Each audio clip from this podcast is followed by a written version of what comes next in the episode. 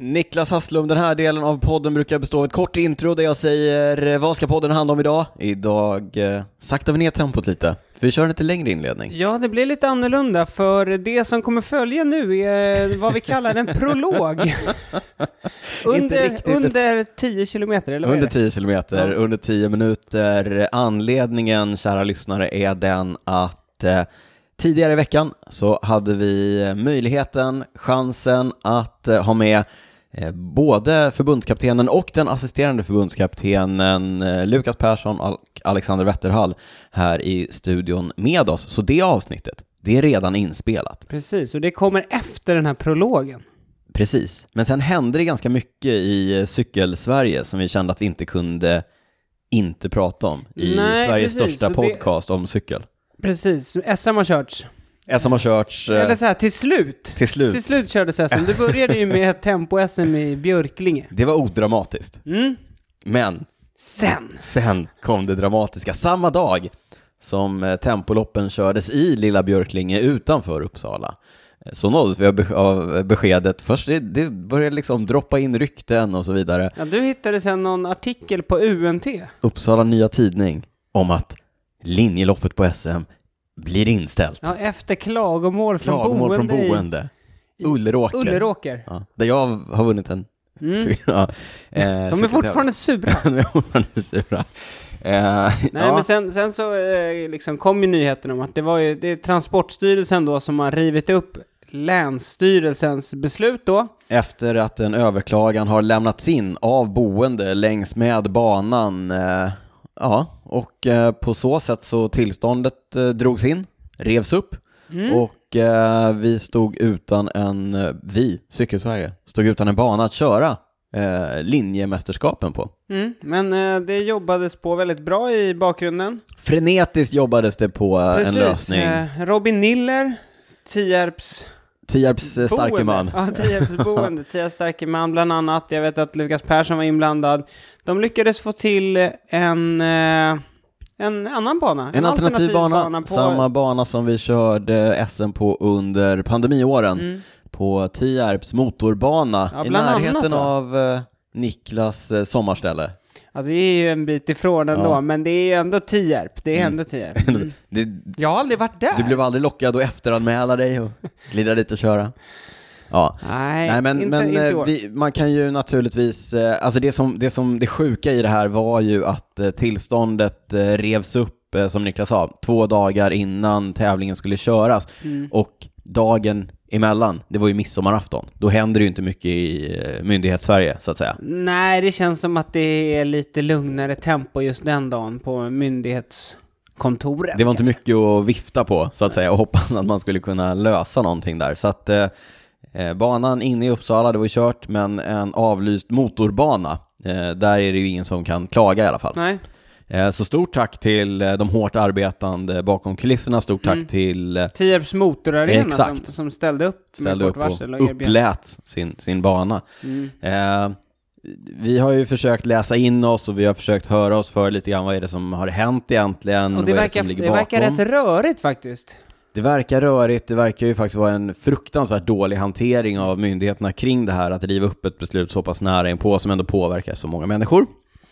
Eh, Precis, det, alltså det som har hänt hållet. i korthet då är att Länsstyrelsen är då de som har gett Uppsala och förbundet tillstånd. Uppsala CK. Precis, Ja. de har ansökt om tillstånd.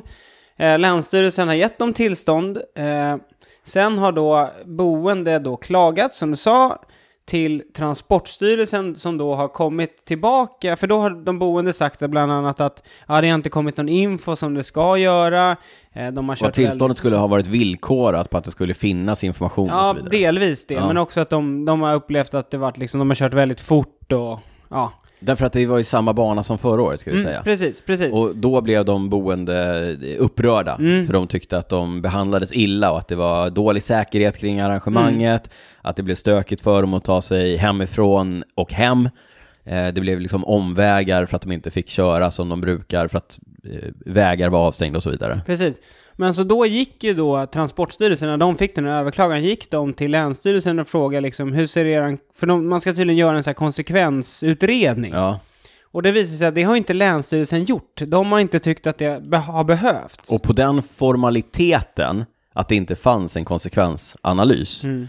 Så eh, hörsammades överklagan ifrån de boende. Så att egentligen inte, som jag tolkar det, så var det alltså inte på det de gnällde på, att det har körts för fort och det här. Nej, utan precis. på Nej, formalian, Ja, att det, det- saknades en, en konsekvensanalys. Precis, det är därför Transportstyrelsen då agerar. Ja. Eh, Eh, men vi- sen vi- som sagt, eh, du läste ju någonstans, det finns ju en happy-tråd här också. Ja, alltså det, det finns en happy-tråd, det finns en typ flashback-tråd. Ja men tydligen så har du läst då att, att den här, in, alltså tydligen ska man då, när man får sådana här tillstånd så ska man komma ut med information till de boende. Ja, Och ja just det- det. och det säger då de boende, det har inte kommit ut någon information och det låter ju liksom under all kritik. Ja, och Göran Mattsson, eh, Uppsala CKs starke man då, som står som eh, tävlingsledare, han hävdar att de har ju lagt ut det här uppdraget på Postnord, Postnord då? att eh, distribuera den här informationen. Och men de har menar, tydligen inte gått ut. och Ja. Postnord är ju, de är ju en, en tacksam, eh, ja precis, de är tacksam, De är tacksam. tacksam slagpåse. vad heter det, scapegoat, vad, vad säger man på Eh. svenska? Eh, eh, Dolph Lundgren, eh, ja, Ja, nej men... eh, Ja, slagpåse, bra. Mm. slagpåse. Jag vet, alltså sista ordet är väl inte sagt och det känns som att det är... Det känns som att det kommer att eventuellt bli någon form av efterspel till Mm. det här och det kommer vi ju naturligtvis eh, följa med eh, spänning Men, men det man kan säga är att det känns ju inte som att det är liksom... Det är inte någon som står för det fulla ansvaret, är liksom som har gjort att det har blivit en soppa, utan det verkar vara så här små delar. Verkligen. Postnord som inte har Ja. delat ut brev, någon information Uppsala som inte har CK som kanske inte har eh, inbjudit till dialog Ja, med men de precis boende. då. Länsstyrelsen som inte har tyckt att den här konsekvensanalysen... Och sen, och sen kan man ju tycka, oavsett hur det här har gått till, det är rätt sjukt att man kan komma två dagar innan ett svenskt mästerskap och Ja. säga äh, det Nej, blir... det, får, det blir inget. Ja, och Nej. man kan ju Alltså, känna, man kan känna lite så här. Vi är ju ganska beroende av vägen Ja. för att kunna tävla. det, det är ju respektlöst mot eh, alla som, alltså på tal om konsekvensanalyser då, den som river upp beslutet, Mm. Ja. konsekvensanalysen av hur många det är som blir lidande, som har tagit sig till Uppsala, som har bokat hotell, som har lagt ner hela liksom, våren och vintern på att träna med SM som stort mål Mm. och så vidare. Men du, nog om det och vi får nog anledning att återkomma till det. Men ska vi snabbt dra bara resultaten ifrån eh, SM? Vi sa först att eh, tempoloppen gick på torsdagen. Mm. Berätta för mig hur det gick Niklas. Ja, vi börjar med damjunior. Där vann Stina Kagevi från Motala för eh, klubbkamraten Tilde Lindström och på tredje plats Anna Söderkli- Söderqvist från Klubb Team Leva Sport. Mm.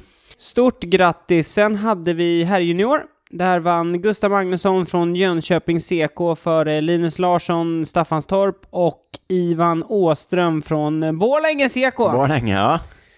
Och sen då har vi ju såklart seniorklasserna. Där Jenny Rissveds Falu CK.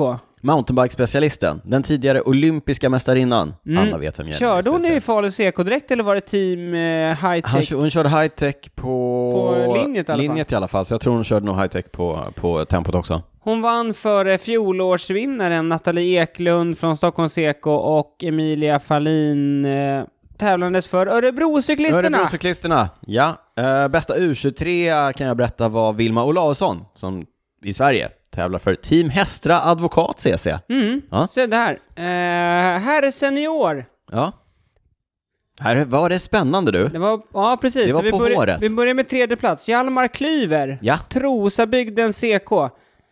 Och så var det som du sa, det var ju supertajt. Det var bara två sekunder som skilde dem åt i mål.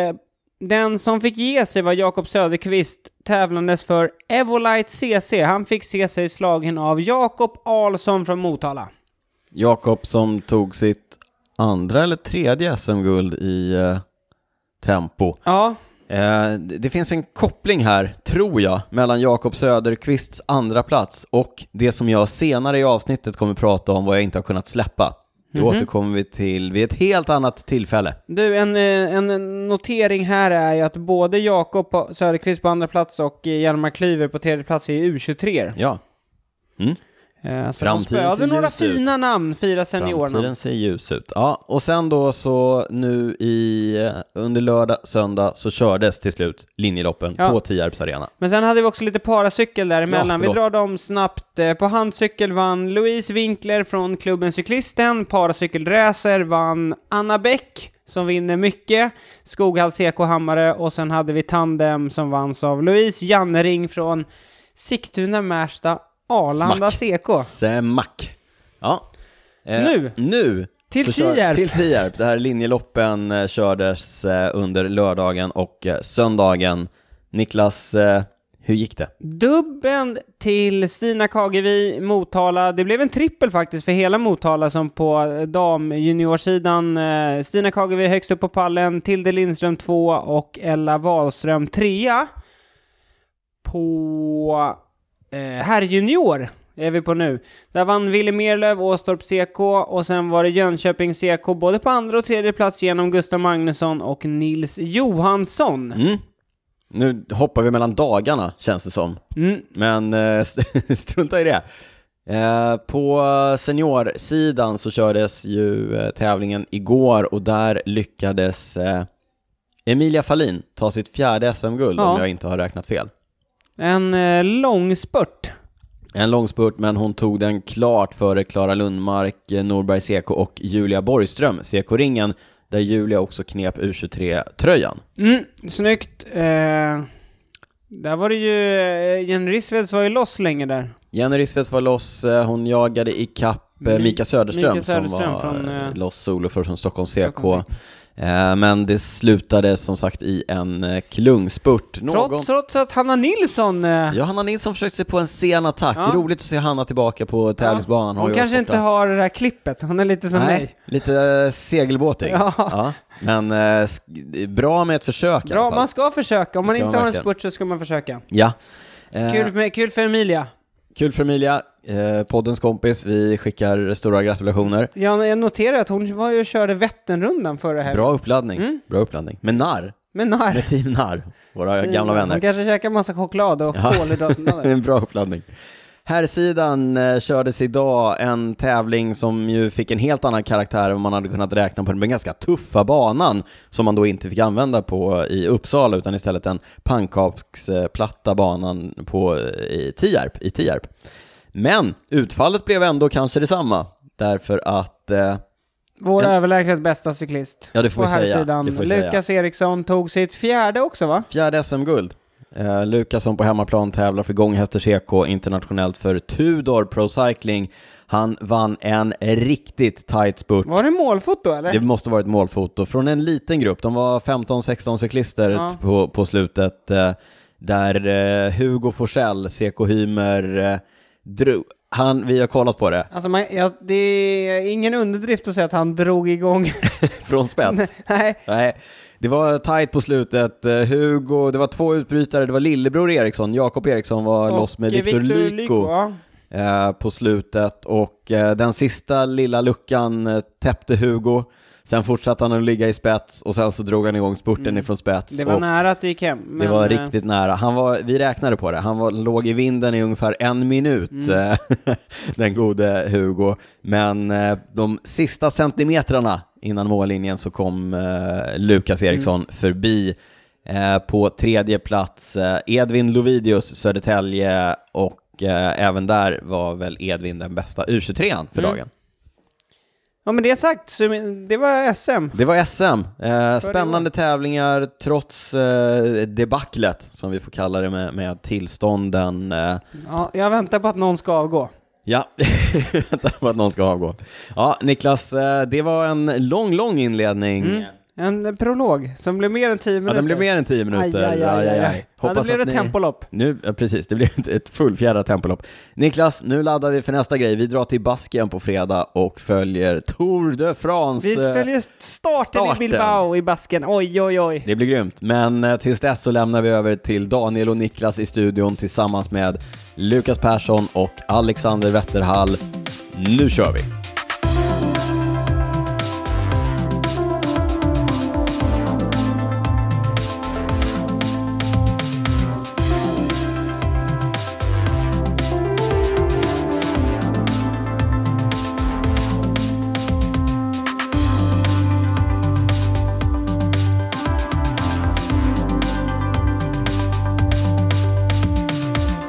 Varmt välkomna till avsnitt 148 av Cykelwebben. Jag tror att det är 148. Podden. Kan du gå in och kolla Nej men det är det, jag kollade Ja. faktiskt idag. Jag heter Daniel Rytz, du heter Niklas Hasslum. Med oss i studion har vi eh, två gäster idag. Eh, Alltså jag tror att det är första gången i ett ordinarie avsnitt vi har två gäster. Nej, vi har haft Jakob Wik och Oskar Ekman tidigare. Just det. Ja, de var också två. Men annars. Gäster. Eh, exakt, annars är det eh, premiär Mm. för två gäster. Eh, ska ni presentera er, er själva? Lukas, du får börja. Ja, underbart. Först ut. Eh, ja, förbundskapten i Cykelförbundet sedan 2016. Tidigare det, där så hade jag en egen karriär i cyklingen. Så eh, det är väl bra att ha med sig så man vet vad det går ut på. Finaste meriten? Det var nog faktiskt eh, ett härligt minne var när jag vann i Vårgårda. Scandinavian eh, Open där. Mm? Och sen eh, nu i Spanien, eh, de Montanes. Fina tävlingar. Vårgårda, det var en tuff tävling. Mm. Den har jag kört. Men du är. Aldrig, aldrig gått i mål faktiskt. Ja. kört. ja, exakt. Men du är landsvägsförbundskapten också. Ja. Mm. Ja, men det är det enda som räknas för mig. Ja. inte gravel. Nej, inte. Nej, tyvärr inte. Nej. Nej. Nej, men tiden räcker inte till där. Utan eh, landsväg, där har vi ju mycket att göra ändå. Mm. Vi jobbar med hela bredden. Junior, U23 och elit. Mm. Och eh, våra kollegor ute i Europa, de har ju oftast bara ett uppdrag där de jobbar kanske bara med junior. Eller U23 eller damer. Mm. Så där är det, ja, det är lite brett. Men det är jävligt kul för man jobbar ju med både de unga och de eh, lite äldre. Så då får man ju med sig det man gör med de äldre kan man ta med sig till de yngre och tvärtom Just också. det. Mm. Kul. Och ni är ju två. Den Ja. andra sitter här bredvid, Alexander Wetterhall. Vem är du? Ja, vem är jag? Eh, jag är jag. Ehm, jag är kollega med Lukas Persson här då, eh, assisterande förbundskapten eh, till honom. Vi eh, möttes nog egentligen första gången på riktigt där i Vårgården när du vann den tävlingen. Eh, jag blev inlånad eh, till landslaget, vi körde en som landslag. Eh, var ju mountainbikare då på den tiden. Eh, och egentligen var det nog den första landsvägstävlingen på riktigt som jag åkte. Eh, och här sitter vi idag ju, som kollegor. Jag går in på mitt fjärde år där. Från början så, mm, jag har alltid gillat idrott, eh, alltid brunnit för det och hittade cykelsporten egentligen som nummer ett där bland de här idrotterna som jag höll på med från början. Men eh, full satsning på mountainbiken hela vägen upp till jag var 16. Flyttade jag till cykelgymnasiet i Skara. Eh, höll på med mountainbiken hela vägen upp till U23-åren. Kände väl att jag inte riktigt räckte till på mountainbiken och eh, växlade faktiskt till landsvägen då. Eh, till mitt första riktiga elitår. Och körde ja, men tio år där på någon form av eh, konti eller pro-konti-nivå. Innan eh, jag började jobba med ett vanligt jobb. Eh, testade på lite, eh, insåg att eh, jag vill nog vara kvar i idrottslivet och började som ja, men hjälptränare på cykelgymnasiet där jag gick själv då. Eh, och har vi inte spunnit vidare på den, eh, ja, men det yrket. Eh, tränar folk, eh, cyklar fortfarande väldigt mycket, delar min eh, tjänst på cykelgymnasiet med eh, tjänsten på eh, Cykelförbundet då. Eh, ute och reser en hel del med, med Lukas och hjälper till på landslagen när det behövs. Och går en hel del eh, tränarprogram och sådär med för att Mm. kunna vara uppe eh, rätt hållen med ja, men, det senaste rönen om man säger så. Så Lukas, du kör eh, heltid och eh, Alex, du delar din tid mellan tränar, olika tränarroller och eh, förbundskaptens. Det kan man nog säga. Så jag får ihop en eh, dryg heltid där. Ja. Mm. Alex, vilken Ja. är din eh, finaste seger? Du har ju också en del fina segrar ändå. Ja, det var snällt sagt. Nej, men... det beror på vad man jämför med. Ja, det är helt klart så sett. Nej, men det bästa jag har gjort egentligen det är väl uh, 1-1 när jag vann i Holland, uh, Ronny van Drenthe, eh, 2013. Ehm, det var lite fränt så sett. Spurt i liten grupp, eller? Eh, ja, med typ 32 kilometer kvar tror jag det var. Mm. Så gick jag solo. Så Men det- Ja, det var en ganska extremt lång... liten. Väldigt liten Ja. grupp. Men jag kommer ihåg fel. Mitt minne sviker mig. Ja, Nej, vi ehm, gick loss efter halva tävlingen ungefär. Skapade en liten grupp. Jag och en annan som heter eh, Kenny van Hummel eh, gick loss. Körde lite på den. Spurtare i Ja. Skill Shimano senare. Ja, precis. Åkte lite bergspris pris upp till Varnberg där, den här lilla Ja, just knölen. det. Ja, ja. sopberget. Ja, ja. precis. Eh, där cykelcross-EM gick och i det området som eh, EM ska gå detta året också. Eh, så den spurtade vi på, eh, gick iväg från den här lilla gruppen. Gruppen körde ikapp oss igen och sen attackerade jag med, om det var 32 eller 34 km kvar till mål och lyckades hålla undan då, på något sätt. Dåligt väder, eller? Extremt. Mm. Ja. Mm, extremt dåligt. Det är bra för oss svenskar, att vi är vana vid det. Ja, ja, men det är lite tjusningen med för folk ger upp lite för tidigt då ju. Mm. Och är man lite dum i huvudet eller om man gillar det, eh, beroende på hur man ser på det, Mm. så finns det lite mindre motstånd att tävla mot. Ja. Brukar ni ofta sitta och jämföra segrar eller? På Prata, rummet, prata, på rummet, gamla, prata gamla på, meriter. rummet Ja, på precis. landslagsuppdragen. Nej, men Alexander är två år yngre än mig så att han ser ju upp till mig. Så eh, Precis så är det. Ja. Ja. Ja. Men du, eh, två, mästar, två svenska mästartitlar på eh, tempo va? Ja, precis. Ja. Eh, tempot har lyckats då. Eh, linjeloppet är en andra plats. Ingen av er har vunnit? Nej. eh, nej, nej, på min tid var det lite hårdare motstånd. Det var så det var, ja. Ja. Ja. Men du, eh, ska, ska vi ta det som en övergång då? Er tid nu, eh, hur står sig svensk cykel eh, tycker ni nu? Nej men alltså det är ju, ja, tuff fråga. Eh, när jag är ute på landslagsuppdrag med juniorer och U23 så ser vi att eh, vi har haft, eh, vi har haft spetsen i många år. Eh, en smal spets Mm. där vi har kanske haft en En lång och smal spets. Ja, men man kan Tobias säga- Ludvigsson, det har ja. varit den Ja, på här alltså, sidan. Även Ja. redan junior så har vi haft någon som kör topp 10 någon gång då och då. Mm. Eh, är med och fightas bland de bästa och sen bredden är inte lika bra. Men så tävlar vi mot lag som Italien och även Danmark och Norge som har kanske sex åkare till start som är bra. Mm. Då klart då blir det lite, det räcker att det blir en punktering på vår bästa kille så har vi inget resultat med oss. Så det är väldigt hoppfullt att vi ändå varje år har vi alltid någon som sticker ut lite i någon klass. Ja. Men eh, det är helt klart att vi, vi skulle behöva en lite större bredd. Och eh, går vi tillbaka till när jag var eh, satsa och körde både i kontilag och var professionell så då hade vi fler proffs ute. Mm. Och har man fler proffs ute så är det ju fler eh, kontakter ute. Eh, svenskarna ute, de har bra ifrån sig, det är bra personer, ryktet är gott ju. Nu när vi är så pass få så är det klart det är mycket svårare att få in en svensk i ett eh, proffslag. Det krävs lite mer. För annars kan man lika bra ta en italienare eller en dansk eller en norrman som man redan känner till. Ja. Och, ja. Som det går 13 på dussinet av. Då är det, Ja. bara, det är bara att välja. Hur, mycket, hur mycket gör ni sådana saker? Hur mycket drar ni i kontakter och sådär? Ja, men vi har pratat ganska mycket om sista tiden och eh, det som har hänt sista två åren skulle jag vilja säga att det är att det är ganska mycket agenter som har börjat jobba. Och de har Mm. börjat, eh, de börjar kolla lite ner på U23 var ju liksom, U23 uppåt var det man pratade om. Men eh, för två år sedan så började de börja titta ner på juniorer också. Så jag har blivit kontaktad av några agenter där de redan kollar på juniorer. Eftersom de har fått några supertalanger som har kommit upp så vill Mm. de fånga dem tidigt ju. Och det är, kanske, det är kanske framtiden att man ska ha lite kontakt med någon eh, agent som eh, hjälper en. Mm. Eh, det är kanske inte alltid det bästa för man ska gärna vara den som driver det själv ju. Men hitta någon som passar en och, och skicka lite mail och sånt till massa lag och få kontakt. Och de här agenterna de tjänar ju inga pengar på amatörkontrakt. Nej. Utan där tar de inte betalt utan de tar betalt när det är professionella kontrakt. Mm. Och det är De klart. det, ja, det är på spekulation på något Ja, sätt. det blir lite så att de satsar inte på en om de inte tror på en Nej. heller.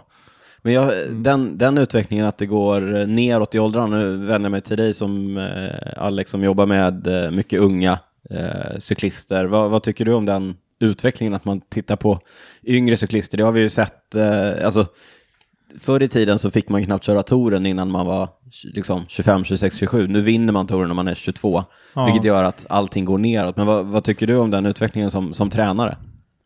Jag tycker att den stressen som det uttalar är ganska jobbig för eh, individerna speciellt. Eh, Dels för att tänka långsiktigt och faktiskt få en kontinuitet i en satsning. Ehm, Det är ju baksidan med det.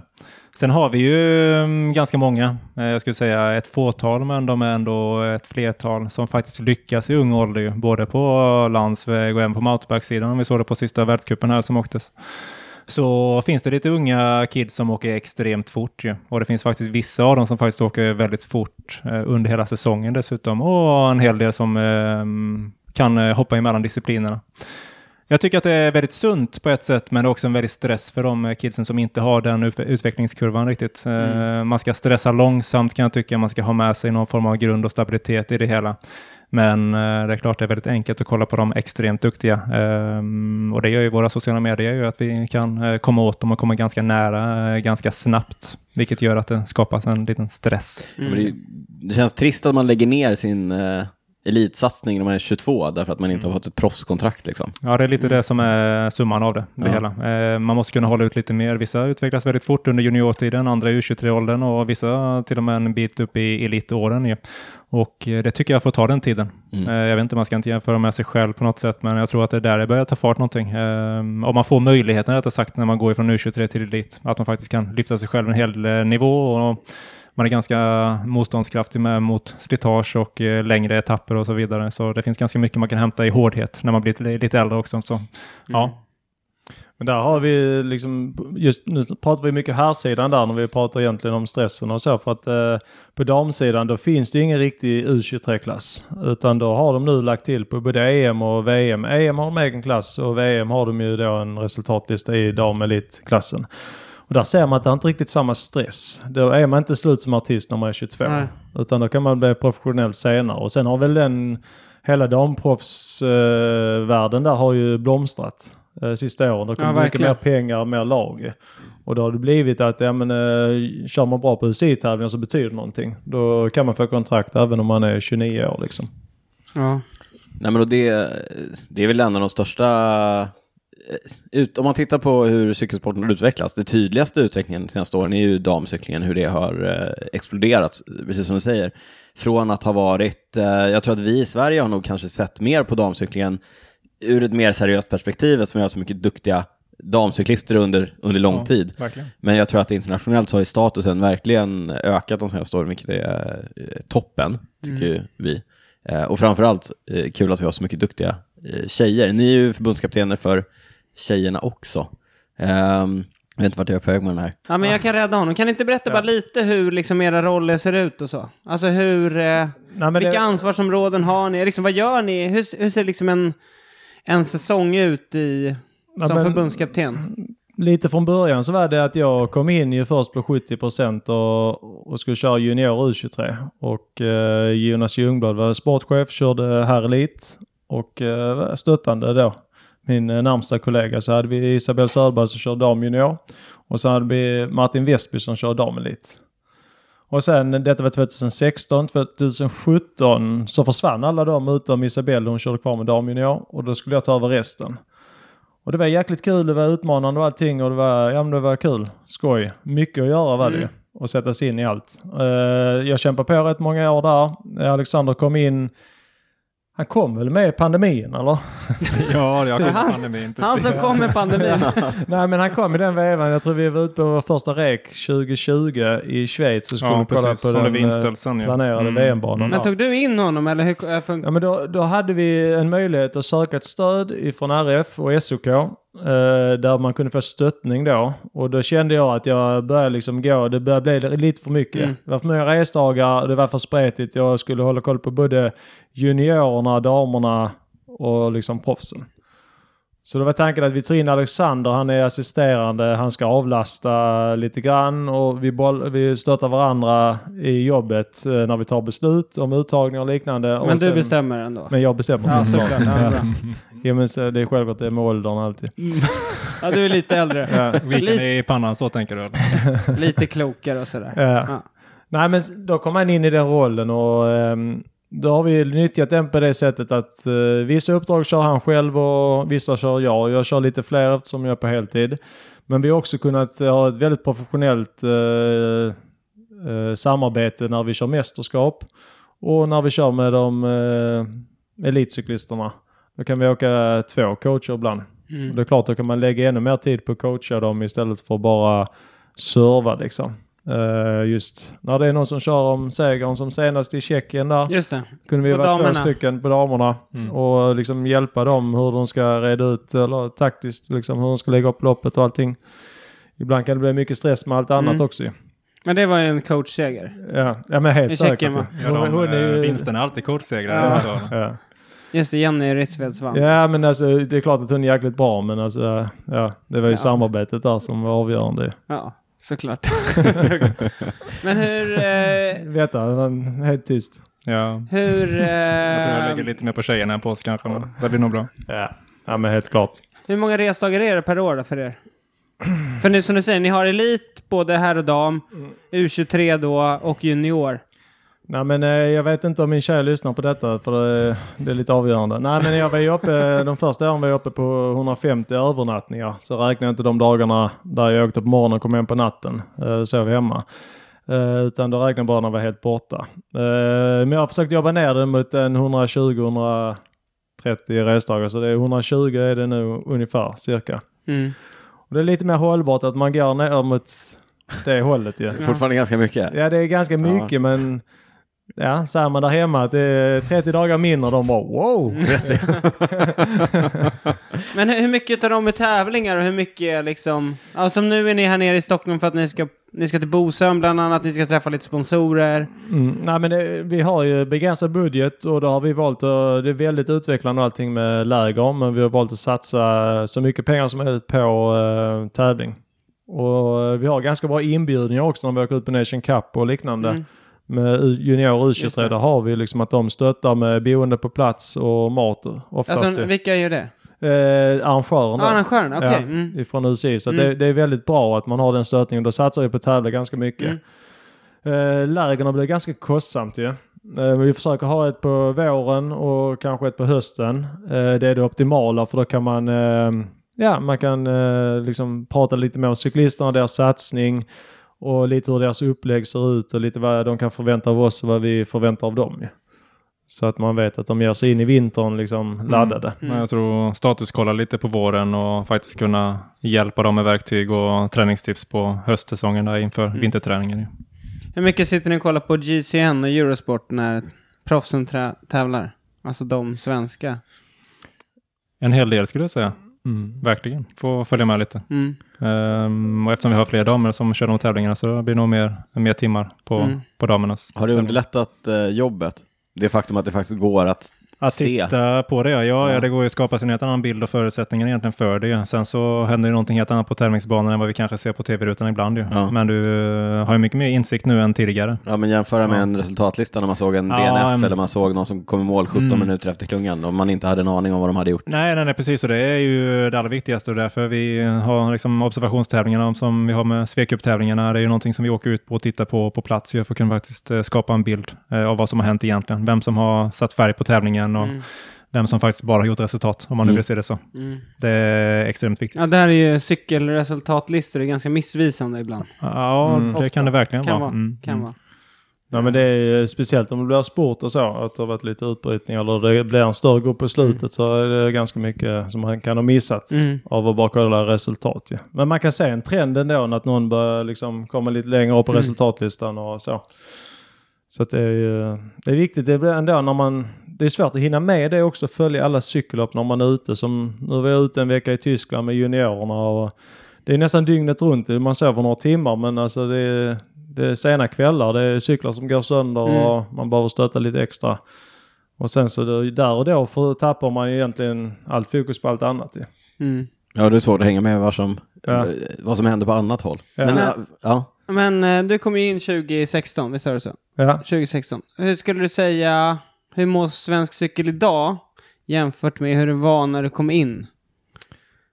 Ja, det är en trixig den frågan. Men, Alltså jag, jag eh, kan bara säga, för när vi, ja. vi drog igång podden 2017, 17, va? Ja. hösten 2017. ja. Och då, alltså, då var det ju typ Tobbe var inne och körde, Sara, Penton, Emilia, mm, eh, Emma hade vi lagt av då i och för sig. ja. Eh, men då, det var ju aldrig några liksom juniorframgångar och så. Och nu när vi sitter och pratar, då är ändå, det är lite UCI-segrar på junior och... ja men det, händer, det känns som Ja, att det men händer det lite kände- mer ja, på... det bubblar liksom. Ja, men jag alltså- tror att den trenden är bättre. Så. Men har ni den känslan också? Ja, men alltså, Är det vi- ändå lite positiva Jo, liksom, tongångar? jo, det, det enda som är... Svensk cykel generellt skulle jag säga så här, det är väldigt positivt som mountainbike, de har väldigt mycket ungdomar. Och där handlar det lite om att fånga cyklisten i så fall. Så att inte cyklisten slutar på mountainbike och slutar som cyklist. Är det en cyklist som skulle passa för landsväg mer, alltså det fysiska passar bättre på Mm. landsväg.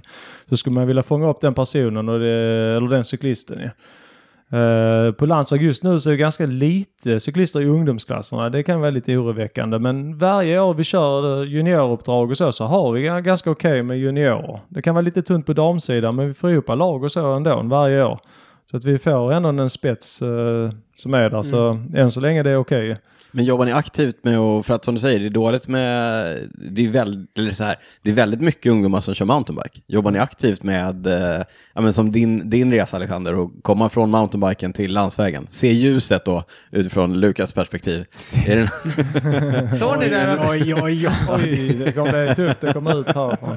Nej, men ja, alltså den resan är ju extremt många som gjort ju. Alltså extremt många som gjort den. Mm, Emilia kanske är ett bra exempel på de som inte har gjort den resan, men många andra har gjort den. Julia Borgström till exempel har ju också bara kört landsväg egentligen, men många andra egentligen har kört mountainbike från början och kommit över på landsvägen sen. Mm.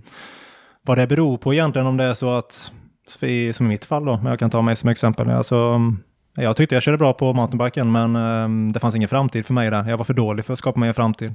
Det fanns en helt annan framtid på landsvägen. Det fanns fler arbetsplatser, det fanns en möjlighet att faktiskt kunna jobba som cyklist.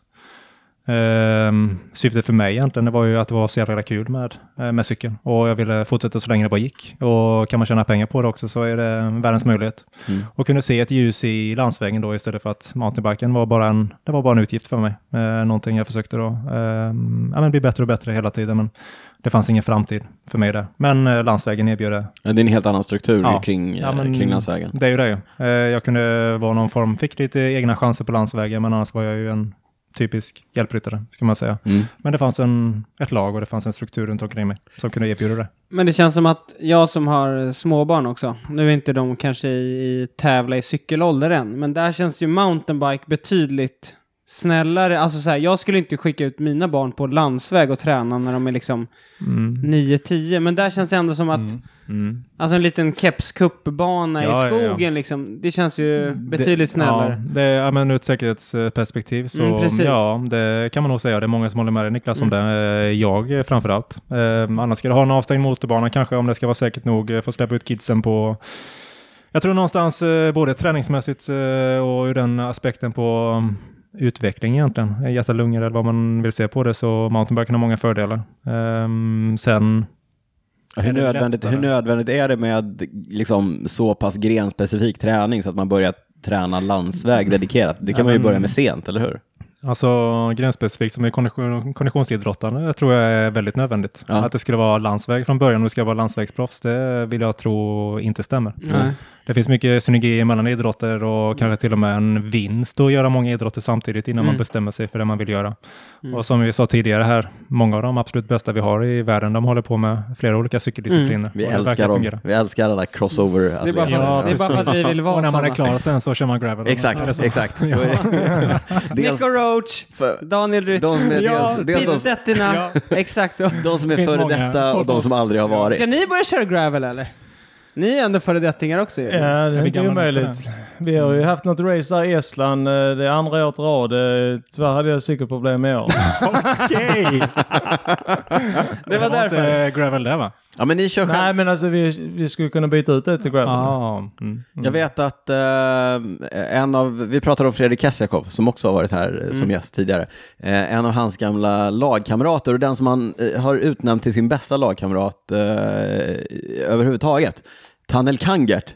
Mm, Sa han det? Mm, har han sagt. Inte, inte i podden. Nähä. Jag pratade med honom Ah. off the record. Off the- ja. Men nu sa du det Nu on the jag record. nu sa jag det on the record i podden, det var, det var ju synd. Ja, jag vet inte om det var. Ja, hur som helst, Tanel Kangert arrangerar ett eh, gravel-race i eh, I Estland. Estland? Ja, okej. Mm. Så det, det får ni kolla upp eh, till nästa. Jag vet inte om det går i samband När med. ska vi åka? Ja, vi, vi kollar det. Ja, det får vi göra. Ja, vi kollar på det. Men ni håller igång eh, båda två fortfarande? Ni ser ut att vara i bra form båda två? Ja, jag tror att Alexander han får betalt för att träna på skolan också. Ja. Eh, ja, ja. Ställer du av dina elever i frågan här? Eh, inte längre, gör jag inte det. Nej, det är så. Nej, Nej. fan. ehm, mm. Är det för att de har blivit bättre? Eh, jag hoppas på att det är så att uh, träningen jag lägger över gör att de är bättre och kör ifrån mig på den. Ja. De var bra tränare. det är det. Ah, jag tror bara det är så att, ehm, ja. Åldern börjar ta ut sin rätt. Men ja, alltså- ja, eller i alla fall träningsvolymen tar Ja. ut sin rätt tror jag. Ja. Men blir det mycket hets eller, på träningarna där? Alltså vissa är ju mer upplagda för Ja. än andra. Ju. Mm. Eh, Är du en av dem eller? Eh, när det behövs kan jag vara det. när eh, det inte behövs så kan jag ta lite lugnt också. Mm. Ja. Ja. Men det gäller att... mm, jag tror på att det måste finnas dynamik i ett träningsschema också. Men hur mycket, hur mycket tränar du i, i veckan liksom under Nej, men eh, får jag ihop en eh, 8-9 timmar i veckan så är det nog en väldigt bra vecka. Mm. Eh, får jag ihop 3-4 bara så är det en annan sak. Är det personlig träning så springer jag före jag cyklar. Mm. Men ehm, det är ganska effektivt. Det är väldigt effektivt. Mm. Du får med lite mer också. Men um, cyklar jag jättegärna. Men du berättar kort om eh, cykelgymnasiet där du är tränare. Hur många elever? Eh, Vi har, Är det? ehm, nej, men jag har 30 platser. Ja. Har vi. För kan inte Ehm, bara berätta, för jag vet att det är många som har barn som lyssnar på podden också. Mm. Så hur, Mm. Man söker, eller hur funkar det liksom? ja, vi har, ju, vi har ju tre stycken um, cykelgymnasier av lite men större kaliber kan man säga. Ehm, det som ligger i Skara som jag jobbar på det är ju Riksidrottsgymnasiet. Uh, sen har vi två nion då, nationellt idrottsgymnasie. Uh, ett i Jönköping med mountainbike um, egentligen som huvudsyfte och så har vi ju Falun med ett nio som Mm. har uh, väldigt många discipliner egentligen. Uh, inkluderar både mountainbike, landsväg och många till. Och typ freeride. Ja, de har lite sant? slopestyle Ja. och nej, men de är väldigt breda i sitt utbud. De har ehm, väldigt många platser också, Mm. eh, betydligt mer än, fler, än vad vi har, vilket gör att mm, cykelprofilen blir väldigt stor kan man säga. Jönköping har lite färre platser och vi har som sagt eh, 30 stycken då som vi delar på eh, landsväg, mountainbike och cykelcross. Mm. Så ja, så ser det ut i alla fall. Och det, Eh, det söker man då när man, eh, det söker man. när man går ut När man är i ålder ja, Ja. till det så söker man in. vi Det är för sent för dig, Ja, Niklas. det Ja, Jag är är, ledsen men Ja. den, det tåget är gått. Ja. Mm. Och då sitter man och så bara kör man Monark i tre år. Och sen så Ja, kommer om det man hade ut och... varit så bra så hade det ju varit det ju. Nej, men det är väldigt mycket. Mm, Vi har ju en uh, hård vinter ju. Eh, även om eh, vi är lite mer söderut så är det fortfarande en ganska hård vinter i vissa perioder. Så ja, vintrarna avspeglar sig kanske två gånger på Monarken i veckan i alla fall. Men vi försöker komma ut så mycket som möjligt. Mm. Och jag tror att det, det är nog bra för allt och alla. Det, vi har ju fått en liten annan kultur. Inte bara Monark, vissa gillar att åka Swift på vintrarna. På somrarna mm, blir det en hel del egentligen. Bara utomhus liksom. Mm. Utmaningen som jag ser med dem, eh, när man söker in till en sån skola, då är man ju 16 år va. Och eh, det är klart, vissa är tidigt utvecklade, vissa är sent utvecklade. Och sen ska man sitta och göra en bedömning. Och någonstans så måste man ju kolla lite vad de har gjort sista året och så. Och sen så ska man ha med sig då att eh, ja, det här kanske är en cyklist som ska vara redo när de är 30 år. Mm. Och det är jättesvårt att göra ju. Mm. Så vissa år så är det någon som kommer in som är de allra bästa. Medan det är kanske någon som kommer in på en reservplats som när de väl tar studenten så är den absolut bäst. Alltså. Mm. Kanske kommit fatt lite. Så att det är en tuff ålder att välja Mm. liksom.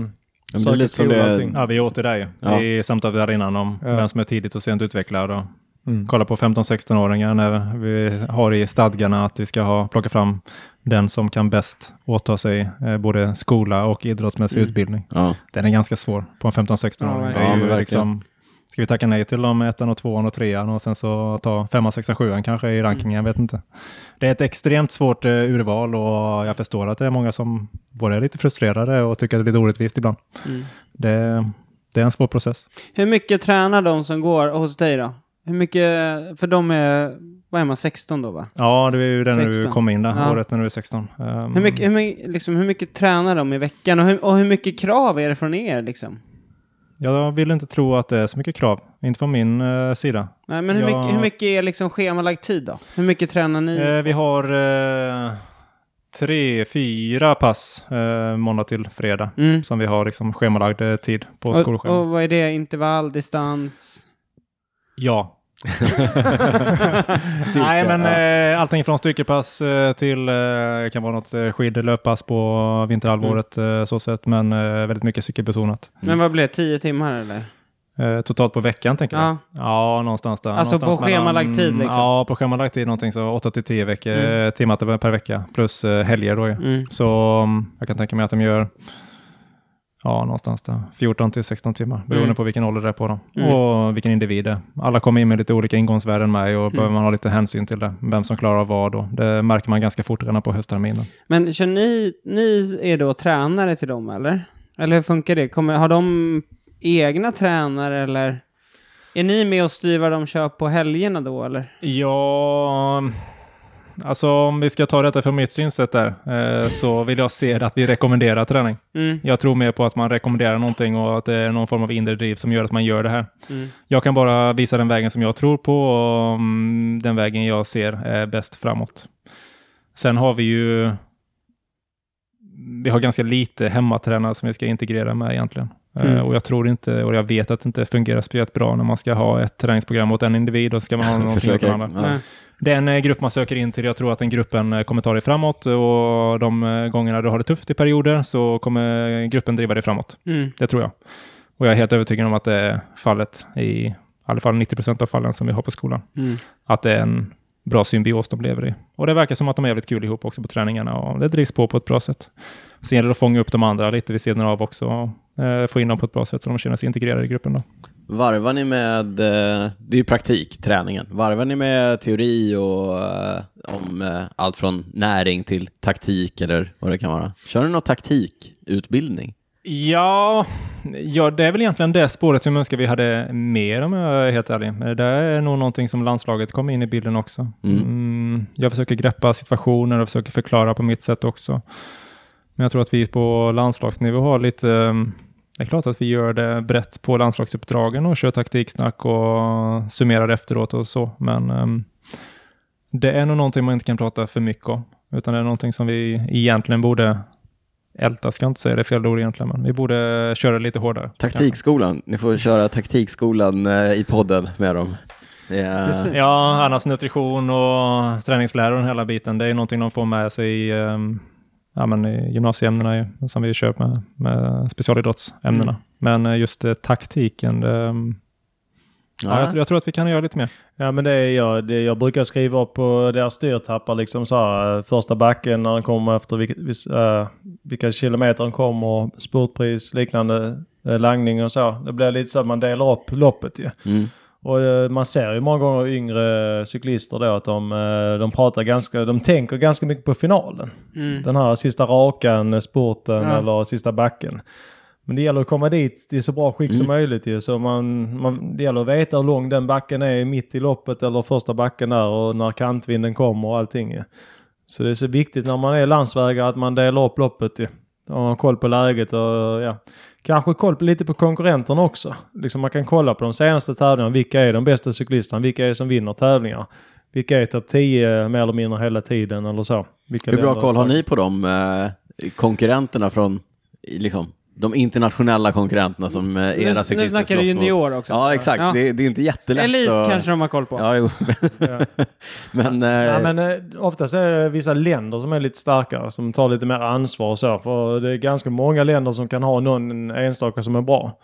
Eh, och då är det lite bra dagsform och allting. Men uh, oftast är det lite länder som har lite starka cyklister, tar lite mer ansvar, missar någonting, kör in det. Eller går in och kör i någon backe, skickar på lite i någon kantvind och så. Så det gäller att hålla koll på de länderna. Vilka länder är det då? Är det de klassiska? Ja men eh, som Holland, Italien och, Danmark, Norge, de sticker ut väldigt mycket. Sen Belgien, ja absolut ju. När de hade Remco, då var han stolt, förbundskaptenen i Belgien. Han eh, satt svårt, världens så, vilket svårt jobb han hade. Ja. Verkligen. Sen nu var han lite lugnare här de sista åren. Han har taggat ner lite. Ja. Ja, men Var Remco lika störig som junior som han är nu eller? Men det är fantastiskt att se hans eh, utveckling för att han hade ju, när han var junior så satt han eh, antingen längst bak eller längst fram. ja, Och det var det ju så här, han satt där och fegade lite där bak Mm. och sen så satte de hela, jaget, eh, hela laget till att köra upp han i kantvinden, Mm. typ så vid sidan, vänster sida, de andra satt på höger sida. Sen kom han upp i front, sen bara drog han en Ja, riktig sen körde han rakare. solo Ja. liksom. Ja. Men han hade svårt att hitta klunga då, det har hänt extremt mycket med han. Mm. Han Alltså- började ju cykla sent va? Ja. Mm. Han ja. typ spela i Anderlecht eller vad det var. Sent, ja, Mm. eh, ja eh, och sjuk talang ändå. får man säga. Ja. Det får man Eh, säga. Har ni sett några fler sådana där ute? Är det någon man ska hålla ett öga på? Vem är den nästa storstjärna liksom? Är det någon som, är det någon som sticker ut?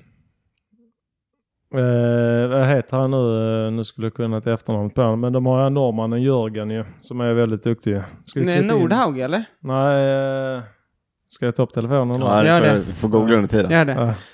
Ja, men de har ju en och han har ju skrivit med Jumbo Visma redan ju. Och han är Ah, ju... ja. liksom, han kör med Cervelo-cykel och liksom fullkittad ifrån eh, Jumbo Allt från Ja, han är sponsrad redan. Han har ju det är en cykel han cyklar på, en på taket och en i lastbilen och liksom de har tagit det till den nivån och han vinner de här hårdaste bergsetapperna. Väldigt imponerande. Sen vinner han de platta tempoloppen. Det är också liksom, det, han har helheten Mm. där. Och som junior så handlar det rätt mycket om det. Man är ju inte specialist på någonting när man är junior egentligen. Nej. Utan då är det ju egentligen att man, eh, man ska vara väldigt allround. ju. Sen hittar man ju sin stil lite mer när man blir U23 och så. Men eh, ja, han är också en sån kille. Han, inte, han har inte jättestora muskler eller någonting men han är ju bra på det mesta där. Mm. Sen har han även talangen att sitta liksom och kriga för position. Har känslan Ja, liksom. Ja. liksom ta position, sitta rätt hela tiden. Så det är inte bara det att han är stark utan han har ju liksom helheten där. Du, nu sa du det med eh, att han, inte, att han är lite generalist, att han inte är specialist på någonting. Och så, nu, för nu försöker jag göra en övergång här. Ja. Så har ju damcyklingen sett ut länge. Mm. Och nu känns det som att vi är på väg in i någon, ett annat eh, skede i damcyklingen med lite mer eh, specialister. Eh, du eh, tränar ju Julia Borgström, eller hur eh, Alexander? Ja, precis. Vad är din, vad är din inifrån perspektivet på den frågan? Stämmer min spaning här? Är, det, är vi på väg ditåt i damcyklingen? Eh, ja, jag Ja. tror att det finns eh, ett utrymme snart att det kommer kunna vara så också. Eh, sen ser vi fortfarande exempel, eh, ja, men typ som Lotte Kopecky till exempel, som kan vinna vad egentligen det är för någon typ av cykeltävling. Det är Mm. inga konstigheter. Men ehm, alltså damcykeln är lite smalare ju. Mm. Det är lite färre i lagen, de kör eh, fler eh, likadana tävlingar. De egentligen kör hela tävlingsprogrammet, de absolut bästa.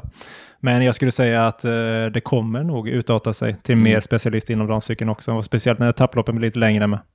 Och det uppsvinget som eh, ja, men Toren gjorde förra året med damcykel och garanterar på att det kommer lyfta det ett eh, snäpp till, till Mm. detta året. Så kommer vi nog få se lite mer specifika damcyklister också, eh, som har mer eller mindre eh, sin typ av cykelåkning. Har vi eh, damcyklister som kommer passa in i det?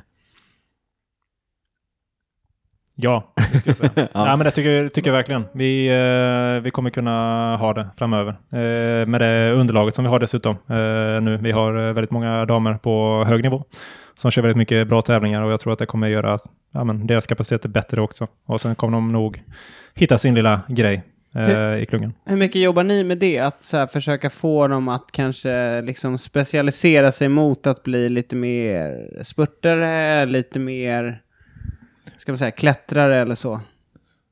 Jobbar ni någonting med det eller Men- är det men- någonting de får hitta Ja. själva eller? Jag skulle vilja flika in där och säga egentligen att det är ju en, det är en utmaning när de kommer som juniorer.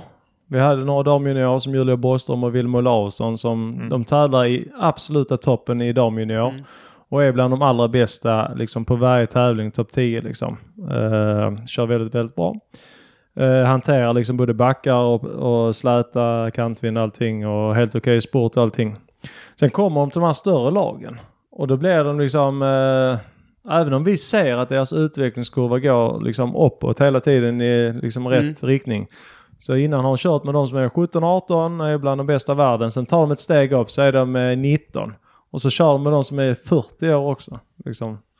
Som vinner touren liksom. alltså det är Den, ett- den, det- den, ja. Ja men det är ett stort steg att köra med Anne Meck och hela Mm. gänget där från Flöjten. Alltså det är ju, då helt plötsligt så kommer de från junioråldern där och då kommer du in i ett lag där de har ja, andra stjärnor och det blir lite så här, ja men har du inte blommat ut riktigt så får du göra jobbet. Liksom Mm. gå fram och dra Mm. och slita och när du gör det för länge så tappar du lite självförtroende också och det tar lite tid att komma tillbaka till det. Så då måste du hela tiden ta några små steg tills du har självförtroendet och styrkan till att våga Mm. ta plats. Man glömmer typ vad man är bra på. Jo, det är men- lite Ja. så Mm. liksom. Det Och jag tror det, det är där vi har vårt jobb egentligen. Och jag ska inte säga att jag pratar om till rätta egentligen, men att få ett annat perspektiv, eller lite mer helikopterperspektiv på det egentligen och få dem att inse det. Alltså gå ifrån att vara typ 19-20 år och tävla mot de allra bästa direkt, ju, för det är det som händer på damsidan. Mm. ju. Vi har inte det här mellansteget som herrarna har på samma sätt, utan Nej. det är verkligen, ja, det blir inte värre än så. Det blir de allra bästa, de allra största tävlingarna för de flesta som kommer upp på lite nivå. Och det är lätt att tappa hoppet lite som du säger Lukas. Det, mm, där har vi nog den stora utmaningen egentligen och den, den stora det- biten som vi kan eh, hjälpa till med också till damerna. Mm. Ja, men jag tror där, eh, om man ser det ur ett landslagsperspektiv då, då blir det ju så att när de, kör i, när de gör sitt jobb för, sitt, eh, för sin arbetsgivare som är proffslaget, då blir det som du säger, då får de ligga och köra eh, som hjälpryttare och det är tufft att komma in och köra mot så bra cyklister. Så att egentligen är det eh, kanske landslagsuppdragen som är den chansen de har att visa upp sig själva och göra egna resultat. Mm. Ja men det är ju så. Vi hade, som Emilia är ett sånt exempel också. Hon har varit väldigt duktig och blev proffs väldigt tidigt och är ett stort lag och många stjärnor runt henne. Hon fick ju kämpa och jobbar mycket för laget ju. Så det är klart att det fanns inte så många möjligheter för henne att prestera ju. Sen eh, liksom när åren gick och så liksom fick hon lite chanser och tog dem här och där och så ser de henne liksom så får hon nya chanser ju. Eh, Sen blir det lätt att trilla tillbaka till sånt om man är hjälpryttare. Vi ser Tobias Ludvigsson är samma där. Han har Mm. kört i de här stora lagen och gör det väldigt bra som hjälpryttare. Det, blir lite, det kan bli bekvämt ibland också. Men eh, så det gäller ju liksom hitta de här möjligheterna när man kan få köra för eget resultat och ta dem då också. Så kommer det nya möjligheter. Men eh, det är utmaningen framförallt med damerna skulle jag säga att de kom från junior rakt upp. Att de inte får den här U23-åren som killarna kan få någon gång då och då. Så när vi kör Gracia med damerna där vi har både Jenny och Emilia med som kör på väldigt hög nivå. Tycker de det är lite skönt ändå när de kommer ner till lite lägre nivå och så liksom får racea lite mer liksom. Mm. Han har lite marginal. Där kan Ja. man liksom styra och ställa lite Ja men gå fram lite snabbare Ja. och testa på att göra någon liksom attack som de inte hade gjort på de här större tävlingarna liksom. Och, ja, känna lite på det. Ha lite kul också på cykeln. Ja. Mm. Vad heter det, nu har vi varit lite inne på det, men så här, vad behöver svensk, för jag tänker så här, ingen har ju bättre koll än vad ni två har på svensk cykel. Eller så här, inifrån. Vad, vad behöver vi jobba på mer? Alltså, jag, för jag, jag bryter in här och säger att den, den vanligaste frågan vi får angående proffscykling och svensk cykling ifrån våra lyssnare, det är varför är vi så långt bakom Norge och Danmark? Vad behövs för att vi ska komma ikapp? Det är en, det är en taskig fråga, men, men eh, ja. Men vad jag tänker att man det? kan börja lite, Ja. sm- lite, så här, lite mindre liksom. Ja, ja, alltså alltså- bryta ner det liksom. Ja, men, alltså, Ja, men vad, tror, vad, vad, vad tänker ni kring det? Jag, jag, tror, jag har inget jättebra svar på det men det jag känner så direkt det är ju det här att eh, både Norge och Danmark, vad har de som inte vi har? Ja, de har lite större tävlingar på hemmabana Mm. och eh, ute där bland publiken står det lite ungdomar och ser de här proffslagen komma dit som i Norge och i Danmark. Och det är klart det triggar, det blir en statussport lite mer att man har något stort lopp på hemmabana och de stora proffslagen kommer dit ju. Och då syns man lite mer tv och då blir det ännu roligare att följa det liksom när man är ute och tävlar liksom i Europa och så. Så att, eh, jag tror det, det är klar fördel om man har haft lite större event i Sverige. Mm. Det finns ju också en, nu kommer jag med svaret här, men Ja, vad bra.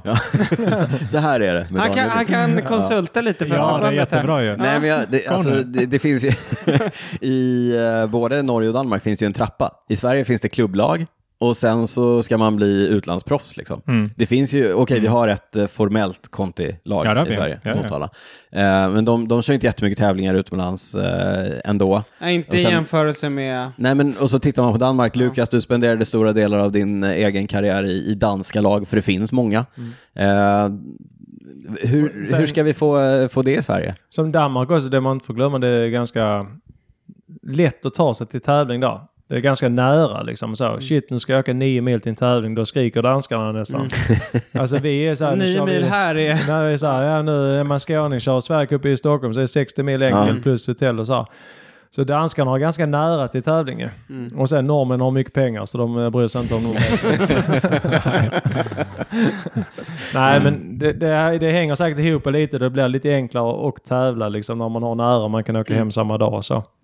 Mm, jag tror mycket det handlar om eh, de lagen de har haft plats med. Eh, Danmark har haft eh, många lag som du säger, trappan där med många kontolag på, på samma nivå som tävlar mot varandra, vilket gör att nivån går upp. Norge bestämde sig för ett antal år sedan att trycka in en jättemassa massa pengar med ja, men exempelvis Uno Extra som Mm. sponsor, eh, som borde ha liksom, högsta nivån på både dam och herrsidan just nu och utvecklingslag under.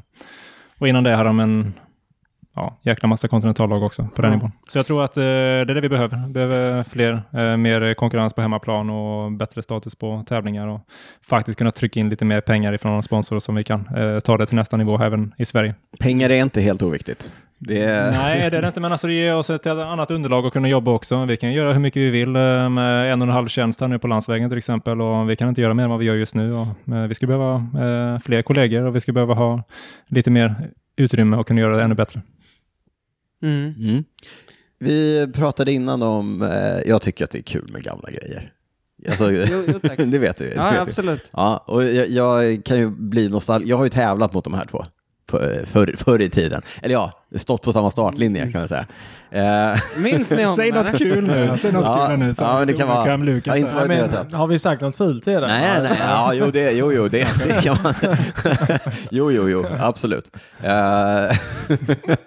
den här, du vet, som Bamse säger, om man är stor måste man vara snäll. Ja. Det var ingenting som Ja, applicerades... om man är stark. Så Om man är stark måste Ja, man ska säga. Det var inget som applicerades på varken Team Mälarenergi eh, eller eh, Cykel City, när det, eller Team Treberg heller för Oj. den, för den oj, oj. Oj, oj, oj. Ja, nu nu men- kastar jag... eh, Men, Nej, men jag, jag, vi tänkte att man skulle vara före och efter, alltså före start och efter målgång. ja, exakt. Ja. Då är man snäll. Men inte inte under tiden. Nej, Nej. ja, Vi har men gått det, vidare nu. ja, men det, det, det håller jag Det med har inte han gjort här, till vänster om mig. Det Men det, det jag skulle, det, frågan jag sk- skulle komma till var egentligen så här. Eh, ni var aktiva för eh, 10-15 år sedan. Någonstans Också. där. Nå- Ja, också. också. Ja, ja. Eh, vad är de största skillnaderna mellan eh, när ni liksom försökte komma dit som eh, de ni nu är förbundskaptener för vill ta sig?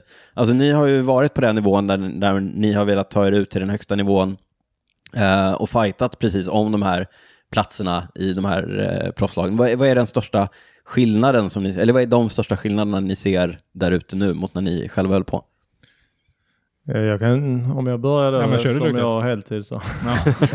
Nej, men eh, den största skillnaden som jag ser och hör då från de som är professionella. Jag har faktiskt några kompisar kvar där från 84 som är professionella fortfarande. Och de säger att den stora skillnaden är ju egentligen att eh, förr var det lite mer respekt för de som har eh, tävlat lite längre och var lite stjärnor och man visar respekt för de lite äldre och det, den försvann för något år sedan. Ja. De, var, de yngre som kom upp var lite modiga och gjorde det som man inte fick göra. Köra om i innerkurvor och satte armbågen i en äldre och så här. Så att det har blivit eh, tuffare klimat i kl- proffsklungan och det smittar av sig även på liksom ner i klasserna. Mm. Så det har blivit mycket tuffare fighter i klungan för att ta position. Och inte att man sitter och slåss men att man är väldigt bestämd och tar en position. Förr var det lite mer så ja men vi är ett bra lag, vi får lov att sitta här. Nej, om ni ska sitta där så får ni ta några armbågar också ju. Så det är en stor skillnad. Sen är det ju mycket det här med Google. Ska jag sno allt nu eller? Nej. Nej men sen är det mycket med Google också. Att eh, influencers och allt möjligt. Att du kan söka väldigt mycket information och det är många som är specialister redan som juniorer. De vet nästan redan vad de behöver äta och vad de behöver göra för att bli Mm. proffs ju. Så det skulle jag säga är en stor skillnad. är. Mer professionaliserat? Mm. Mer fokus på aerodynamik och nutrition och Nörderi. nörderi? Ja. Ja. Men du var väl lite nördig, var du inte det? Jo, jag var lite... Ganska tidigt på jo, jag var nörderiet. nog väldigt eh, tidigt eh, nörd. I alla Ja. fall på temposidan skulle jag säga. Jag tror Som det var i skolan eller? Vad sa du? Jag tror det var redan i skolan. Nej, där var jag inte så nördig tror jag inte. Nej, men det, alltså det, det är både lättare och svårare att nå igenom nu ska jag tro. Eh, Det är lättare att få kontakter med folk, men det är extremt mycket svårare för det finns mycket, mycket mer brus.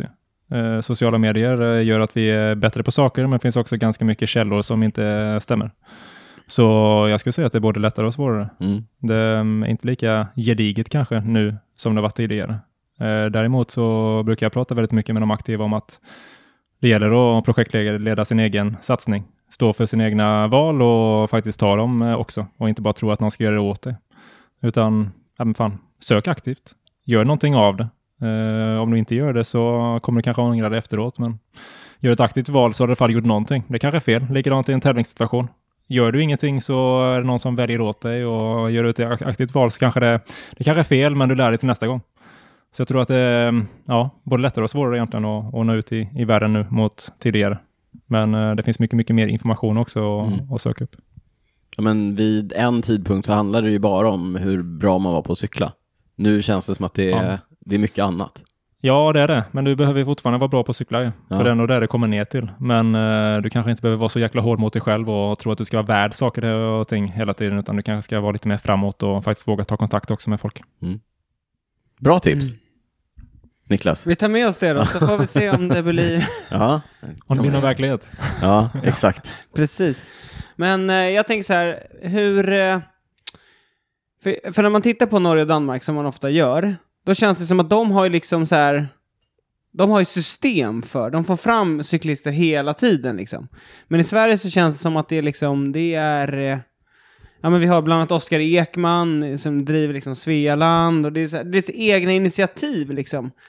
Vad tänker ni kring det? Hur, ser det ut i Sverige där? Har vi ett system eller bygger det mycket på Egna initiativ. ja, men egna initiativ, så här, rätt person vid rätt plats vid rätt tillfälle liksom? Ja, men jag känner ju att eh, ja, men jättebra med Svealand och Oskar Ekman. Det är superpositivt. Det är bara ett exempel ja, nu. Det är ett exempel. det- Men vi har ju det programmet vi har. Och det kan, om de tar, liksom, blir de landslagsaktuella och kör det programmet så får de ett bra program. Men det räcker inte till. Utan de måste ha sin egen satsning också. Mm. Och det brukar vi driva rätt hårt. Vi försöker få ut en sån här utvecklingsplan och så. Så att vi ser att de lägger upp en plan redan på vintern. Att eh, okej, de kan eh, liksom notera landslagsuppdragen. Men det är också viktigt då, ja men söka andra tävlingar. Det kan vara så att man åker till Danmark. Det behöver inte vara Belgien alltid. Det kan räcka med Danmark. Eh, eller Norge eller vad det nu är. Att man hittar någon annan tävling och så ser man att man har en lucka i kalendern på fyra veckor. Då får man försöka snacka ihop sig med lite kollegor och så. Så att man åker iväg på någon tävling. Danmark eller Norge. Leta upp, Mm. leta upp möjligheterna, Ja, inte ja. bara sitta hemma och vara sur för att det inte finns några tävlingar Nej. i Sverige i juli. Liksom. Nej, det är det som är så viktigt att de gör ju. Så att de får ihop sina tävlingar och kör så mycket som möjligt ju. När det väl är säsong så racear vi Mm. så mycket det går. Så länge man eh, ja, är hel och, fräsch. Mm. Man saknar ju skånska GP-veckan liksom. Det ja, var men ju... det var eh, goda minne det ja.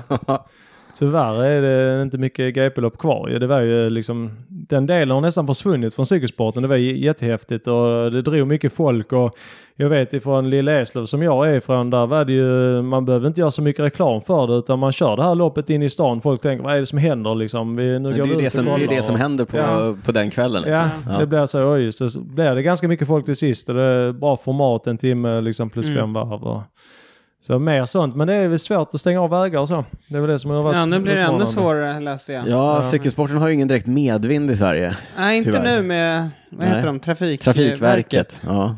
Nej, Det är motorbanor och det är liksom ute på, på landet som vi blir Ja. förpassade. Det hjälper ju inte heller direkt till att höja sportens status. Nej, nej vi, vi kämpar rätt hårt med det i vintras så vi hittade väl ett regelverk som eh, vi satte lite, stol, vi stolpade ner lite saker där och håller man sig inom eh, mindre varv som 15 kilometer liknande så, så kan man klara det ganska billigt ju. Mm. Men om man då skulle köra längre varv så blir det dyrt och kostsamt för skylta upp och så, Mm. tyvärr. Mm.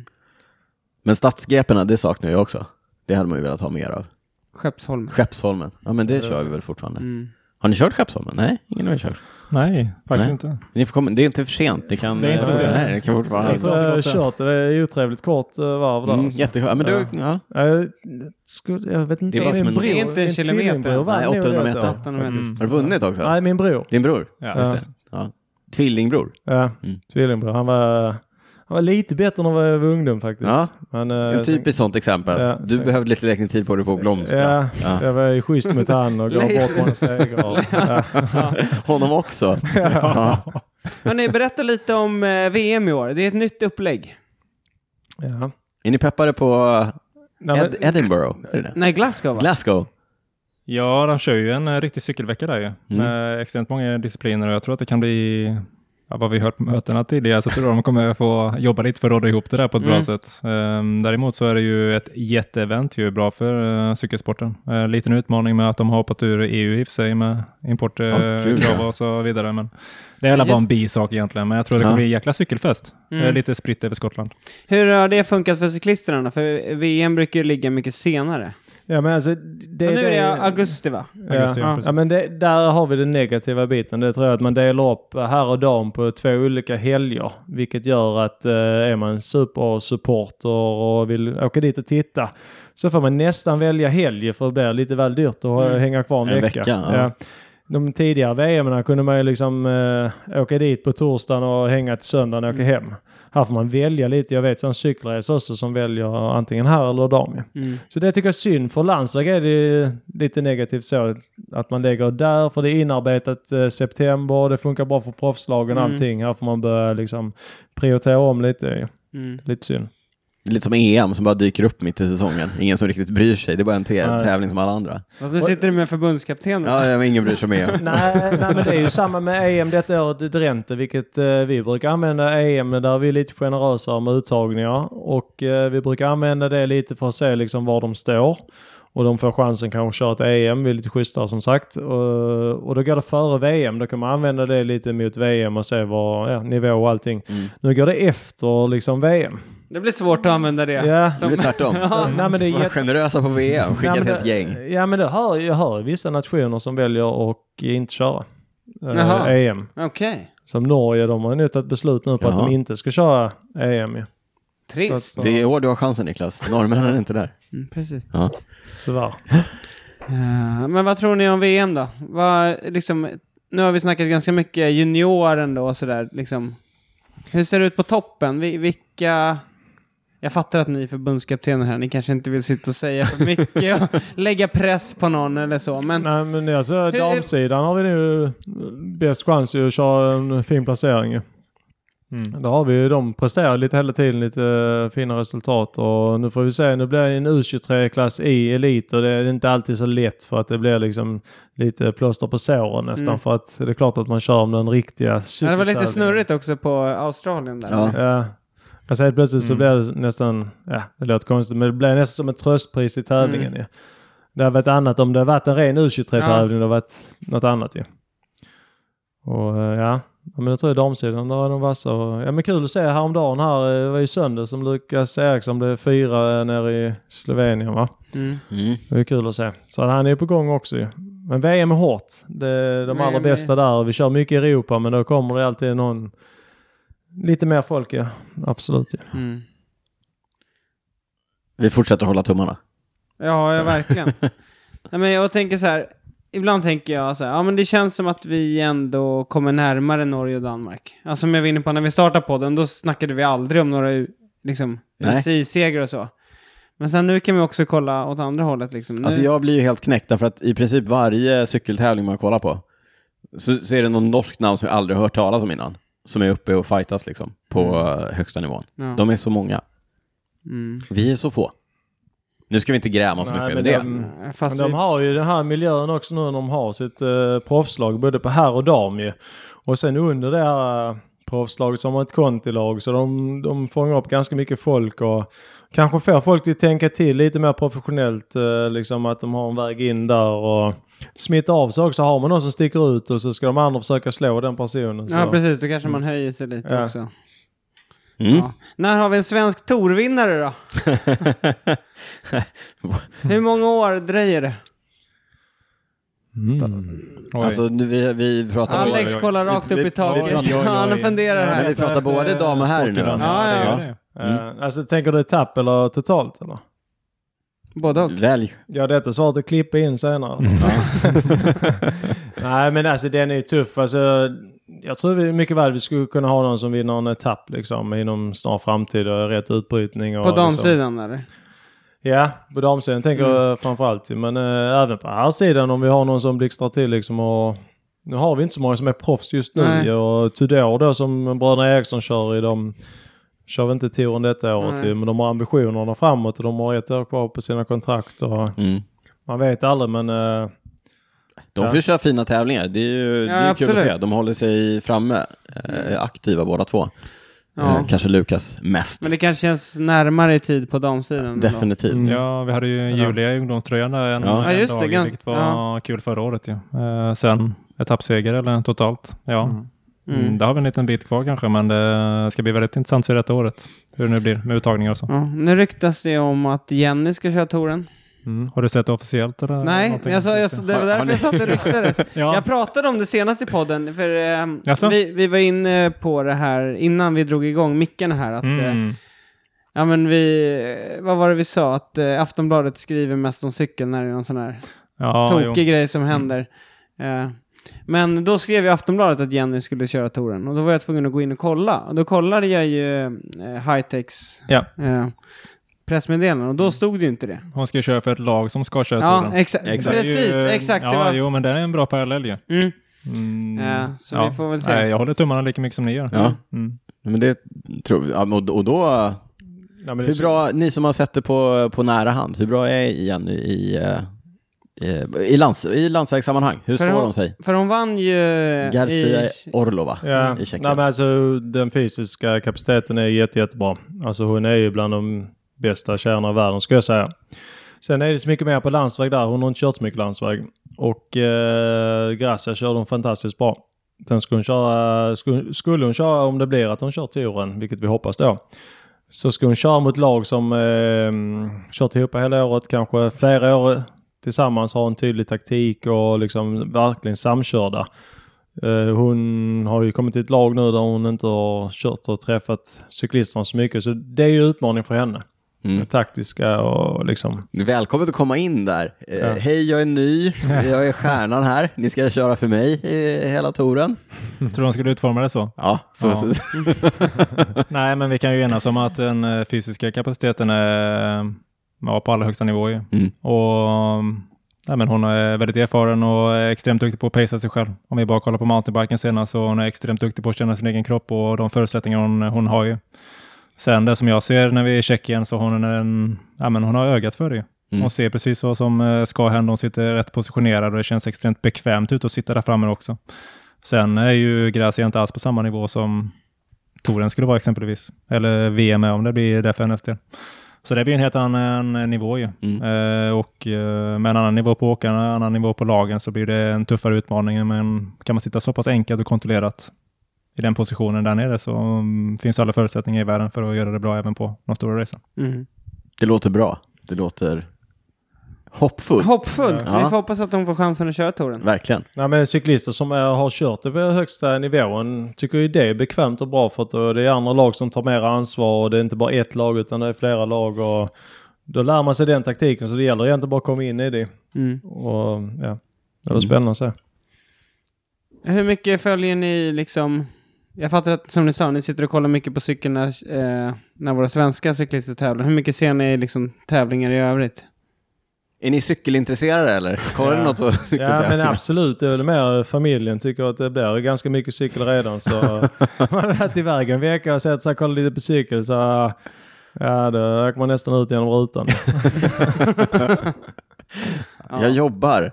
Det är jobb. Det är en svensk med faktiskt. Jag måste kolla på den här Ja, tävlingen. Exakt. Ja. Ja, Och om det inte är det, då måste jag kolla för jag måste ha koll på konkurrenterna. exakt. Ja. Precis. Eh, Niklas, vi har hållit på en timme. Tiden flyger. Ja. Jag vet att ni siktade på 1.57. Därför att nej, var, nej, nej, halva tiden sa vi. Halva, Halva tiden. tiden, Ja, men då så har vi, innehåll. ja, men då Ja. har vi exakt. Halva tiden, dubbelt så mycket innehåll. Det tror jag att vi har eh, klarat av. Eh, hörni, jag vet inte, vi har inte förvarnat om det här. Vi brukar ju, men jag tänker att det är dags Men vi att... sätter dem på pottan. De Ja, är det- ändå de är förbundskaptener. Det är dags att runda av och när vi rundar av då brukar vi eh, ge varandra i uppgift att berätta om någonting man inte har kunnat släppa sen eh, senaste poddavsnittet. På dem bara nu. Men när jag tänkte du skulle få börja så kan de få tänka lite grann. Något du inte har, något du inte har kunnat släppa Niklas? Nej, men jag tänker faktiskt säga så här. Vad sa vi? 148 avsnitt. Ja, Första gången vi är med förbundskapten. ja. Det är dåligt. eller ja, Fredrik har ju varit förbundskapten. Men jag, vet inte, jag tror inte han var det när Nej, han var i inte podden. det när han var med. Nej. Ja, det är ett underbetyg till förbundskaptenerna. Eller till podden. Oj! Men jag, jag vet fan, jag tror jag bjöd in mig själv va? Vetal var bjuden och så. Du är en plus en. Men det är som era cyklister, de måste liksom... Exakt, man, Man måste, måste jobba framåt, Man måste projektleda sin egen karriär. Ja, han har plockat upp det redan här borta. Drytz. Ja, exakt, jag har lärt mig ett och annat. så. Lärt mig ett och annat. Nej, men så jag tycker det var skitkul att ni var med. Ja, verkligen. Jättekul, jättekul. Eh, och vi hoppas att vi kanske kan eh, köra lite mer löpande, kanske Mm. Uppdateringar ifrån eh, eh, världen där ute, tävlingsvärlden där Ja, ute. ni verkar ju vilja Ja. ha resdagar, så att det är väl Ja, bara alltså, ta en absolut. mer resa till Stockholm. Vi, eh, ja, men ni kan väl slänga upp en soffa här så kan vi slagga här. Det finns gott om plats i Cykelwebben-podden-studion. Eh, ska vi våga ner på någonting? Har ni någonting ni inte har kunnat släppa? Ja, pannan är djupa veck här. Nej men alltså min cykelkarriär, det är egentligen därför jag sitter som förbundskapten nu. Det är egentligen att eh, i cykelkarriären så hade jag väldigt mycket tunnelseende. Och jag tyckte att jag visste allt och kunde allt. ju. Och det var egentligen först den dagen jag slutade cykla liksom som det tunnelseendet bara blev liksom, det bara öppnade sig helt. Så inser jag, shit alltså varför har jag inte styrketränat mer när jag var cyklist? Och varför, har jag inte, varför har jag tränat så mycket? Varför har jag inte vilat någon gång extra? Och varför körde jag inte pace en gång i veckan på kvällen? Alltså när jag ville träna på morgonen. Och det är mycket sånt som jag egentligen inte... Det är därför det är så kul att jobba med dem nu. För att då eh, kan man ändå liksom dela med sig lite av sin erfarenhet och hoppas på att man kan kapa något trappsteg. Mm. För jag tror ändå både jag och Alexander har det gemensamt att vi har egentligen gått den långa vägen och kämpat på liksom och kommit till kontilag och blivit professionella. En kort karriär som professionell och kommit ner på kontinivå igen men ändå kämpat på och haft en ganska lång karriär ändå Ni. Kan cykelsporten ju. Vet vad som krävs och vad som behövs. Och man tänker tillbaka ganska mycket på sig själv och ledare som sa till en liksom att eh, nu behöver du göra detta valet liksom. Och det tänkte man, nej men jag är svensk, eh, de ska ringa mig. För att jag ska förtjäna ett kontrakt. Jag ska inte ha ett kontrakt om jag inte förtjänar det. Och så är det verkligen inte där ute. Utan eh, man måste ligga på, man måste liksom skryta lite om sig själv och få andra till att prata om en själv. Liksom. Mm. För att få något bra av det. Och det är väl lite sånt som man inte, ja. Hade man snackat lite mer om sig själv eller tänkt lite mer på det när man var i karriären så hade det kanske gått lite bättre. Den, den var bra. Mm. Mm. Hur, långt, hur långt hade du kommit om du hade gjort Nej allt det men du alltså, tänkte? då Då? hade jag säkert eh, ja, haft massa medaljer här runt halsen. Och, Bling bling. nej men jag har många jämnåriga som liksom man har kört eh, jämt med när man var yngre och liksom även som professionell kört jämt med. Men eh, som svensk hade jag fick ett ettårskontrakt och då, då var det rakt upp i högsta ligan. Liksom. Från att vara duktig amatör. Det var liksom ett stort steg. Det var som en helt annan sport. Och man behöver något år där för att vänja sig vid det. Eh, det är en helt annan typ av cykeltävling där uppe. Mm. Mm. Alla, alla som sitter i den här klungan på 200 personer, alla har presterat några riktigt bra resultat för att komma dit. Typ alla i hela klungan har vunnit en UCI-tävling. Så det är liksom, ja. De som sitter i grupp 1 har vunnit UCI-tävlingar. Så det är hård konkurrens. Ja. Ja. Ja, det, där är, det, är en, det, det där har jag pratat om massa gånger. Den otroligt intressanta dynamiken är att alla som är där har, precis som du säger, alla har någon gång varit bäst i sin region, varit bäst i sin åldersklass, varit bäst liksom. Och plötsligt så är man bara en i mängden. Mm. Eh, och ska- En i grupp ett. En i grupp ett, exakt. Sen är det rätt där. ändå, liksom. Ja. Ja. Jag Alex, tycker du sammanfattar det ganska bra där. Alltså, det är någonting vi bägge två har kämpat med och det är väl därför vi har relativt samma syn på livet också. Någonting jag inte kan släppa det var ju faktiskt det i Vårgårda där. Den ofantligt dryga landsvägen som eh, gick iväg i en tremannagrupp och sen vann solo. Det är någonting som vi faktiskt pratar om eh, lite titt som tätt där, att det var där som vi träffades första gången och sådär ju. Men eh, dryg, ja det var det. Och sen så skulle du dela ut lite prispengar till oss andra fem då i laget där som eh, faktiskt hade samma tröja på oss den dagen. Jag kommer ihåg, jag fick leta upp. Vad heter han nu, Alexander? Han skulle ha en del av pengarna också. Var, var står Ja. han nu? Där Ja, precis. va? Hur stor var prissumman då? Ja, Jag vet inte, fick jag typ 300 euro eller någonting efteråt? Va? Nej, jag körde på Det var vägen. ändå mycket på den tiden. Ja, eller? men jag tror att du tog typ hälften och vi fick andra fick dela, Dela på, på hälften. hälften. Jag tyckte jag mer jobb. Nej, men jag körde hem via Göteborg brände allt på Liseberg sen. Så det var... Ja, det är bra. Det är bra. Ja, nej, fan. Det är kul vi har hittat eh, varandra lite i den då. Det har varit jävligt roligt än så länge. Så det kommer kul framöver Kul. också. Mm. Daniel? Ja, men nu när vi sitter och pratar gamla meriter och vad man inte har kunnat släppa, så eh, nu har jag kunnat släppa det. Men någonting som jag inte kunde släppa på väldigt, väldigt länge, det var min andra tävlingssäsong. Så det kan ha varit 2003 kanske. Så körde jag Östgötaloppet. Det var ju den klassiska säsongsöppnaren va. Eh, och så körde man ett i seniorklass, vill jag understryka här. Eh, körde man ett långt varv från eh, genom Borensberg och så tillbaka, så kom man in på det lilla varvet. Eh, och när vi kom in på det lilla varvet så, ja, det var ingen som, jag, jag, då attackerade jag. Och det roliga var att jag- från, jag satt långt bak i klungan och så bad jag folk flytta på sig för jag ska attackera. Uttryckligen, kan ni flytta, jag ska, jag ska attackera. Kommer det- Kommer vänster, kan ni, jag ska, Jag ska attackera. Ja, men, på skoj typ. Och så gjorde jag det och så, och så, så gick jag solo ett varv och sen så kom två stycken eh, andra ikapp mig och vi tre eh, höll undan hela vägen till, till mål. Mm. Eh, Snyggt! ja, det var, det var jag väldigt nöjd med. Och eh, så fick jag stryk i eh, spurten med, eh, det var målfoto, på riktigt målfoto. Fick stryk med så här mycket i spurten av eh, Tom Saipaka, heter han då, nu heter han Wieselblad. Eh, och Och eh, på riktigt, den spurten tror jag att jag tänkte på varje dag i säkert tre år efteråt. Mm. Eh, det var någonting jag inte kunde släppa. Nu har jag lyckligtvis kunnat släppa det. Men jag hittade en bild på den spurten nämligen. Eh, på en gammal det fanns dator. kamera då? Ja, Ja. knappt alltså. Det var Ja. fyra pixlar var det. Man kunde knappt urskilja vem som var vem.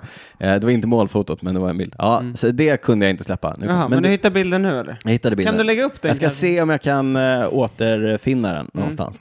Eh, Diabild, Men, men jag kände bara det när vi hade den här typen av gäster som också har gamla minnen att prata om. Eh, lite högre nivå än De här är ändå Östgöta- yngre än oss. Ja, det är de. Ja. Mm. Eh, och lite högre nivå än Östgötaloppet på i seniorklass. Men eh, känslan är densamma. Ja, absolut. Ja. Eh, för övrigt någonting, ja, det, kan vi, det tar vi en annan gång. En annan gång. Ja, jag kan hålla på hur länge som helst. Eh, stort tack eh, Lukas, stort tack Alexander för Mm. att ni tog er tid. Vi hoppas att det inte är sista gången. Nej, ni är välkomna tillbaka. Ni är alltid välkomna Tackar. tillbaka. Eh, Om sex år typ. nej, mycket, Det ligger på er har vi sagt, mycket, snartare, Ja. mycket smartare än så. Eh, nu har vi också investerat i utrustning så att vi kan köra telefonintervjuer på ett lite bättre sätt. Eh, så ni kan få vara med från on the road Ja, I gång. bilen på I tävlingar? bilen Oj, på tävlingar. Kommer bli sån här. Jag har hört, vet, hört att det kan vara rätt hetsigt liksom. vi har hört Lukas i SVT-sändningarna. SVT sänder ju alltid Ja, från men VM. alltså. Ja, just det, du brukar vara med på VM. Ja, Ja, Då brukar de ringa upp dig. Ja men ibland så ringer han sig lite innan där så ja men pratar vi lite och sen eh, då känns det ganska bra. Sen helt plötsligt så är det någon punktering och, och utmaningen är ju också att eh, de som sitter där i bild de har ju bra koll på läget ju. Men oftast när vi sitter i bilen så är vi typ en ingenting minut vad som efter händer, i sändning också. Så de bara så jag såg det var en krasch nu. Vi, äh, det har inte kommit vår bild nu. Vi hörde på radion men eh, Ja. Ja, de har bra koll på läget, men eh, de har inte kanske helt bra koll på läget heller. Vi, Niklas, har, har du någonting du vill avrunda med? Du Nej, jag har inte det Du idag. har inte det? Jag har inte det, det var så bra senast. Ja, då kör vi eh, som vanligt. Vi brukar ju avsluta på italienska och säga ciao, ciao. Ciao, ciao. ciao ciao. Ciao!